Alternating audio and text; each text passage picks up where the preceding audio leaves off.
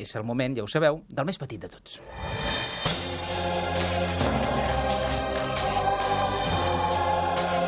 Va ser un home d'acció.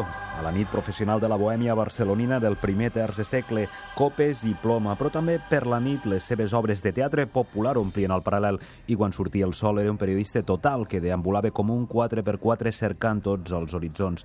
I tant de nit com de dia sempre va tenir la política al cap.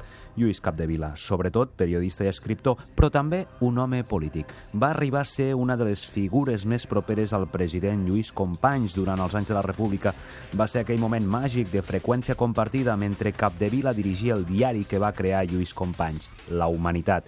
Capdevila era sobretot aquell periodista al qual el president escoltava, es deien de tot, perquè com pocs es deien les coses a la cara, a vegades dolces, a vegades agres, s'anivellaven, tenien una relació d'extrems necessaris per equilibrar amb precisió el pes d'un consell ben donat.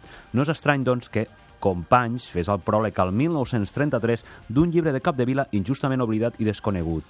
El títol Té la paraula el senyor Cròniques del Parlament de Catalunya cròniques polítiques d'un Parlament que retornava el 1932. Un Parlament encara amb obres, en construcció, com un símbol de la bastia de la nova Catalunya, mentre Capdevila omplia fulles blanques d'una política que s'estava enlairant dia a dia a l'edifici encara recent pintat del Parlament debats energètics, vibrants, molt televisius, debatusses i atonyinaments dialèctics, tot com avui, debats com el sou dels polítics, just, injust. Fixeu-vos que diu una crònica d'en Capdevila. Dos punts. Es discutia d'una manera mesquina, talment com si es discutís al jornal d'un aprenent de droguer. La discussió, el regateig, em sembla d'un antipatriotisme repugnant.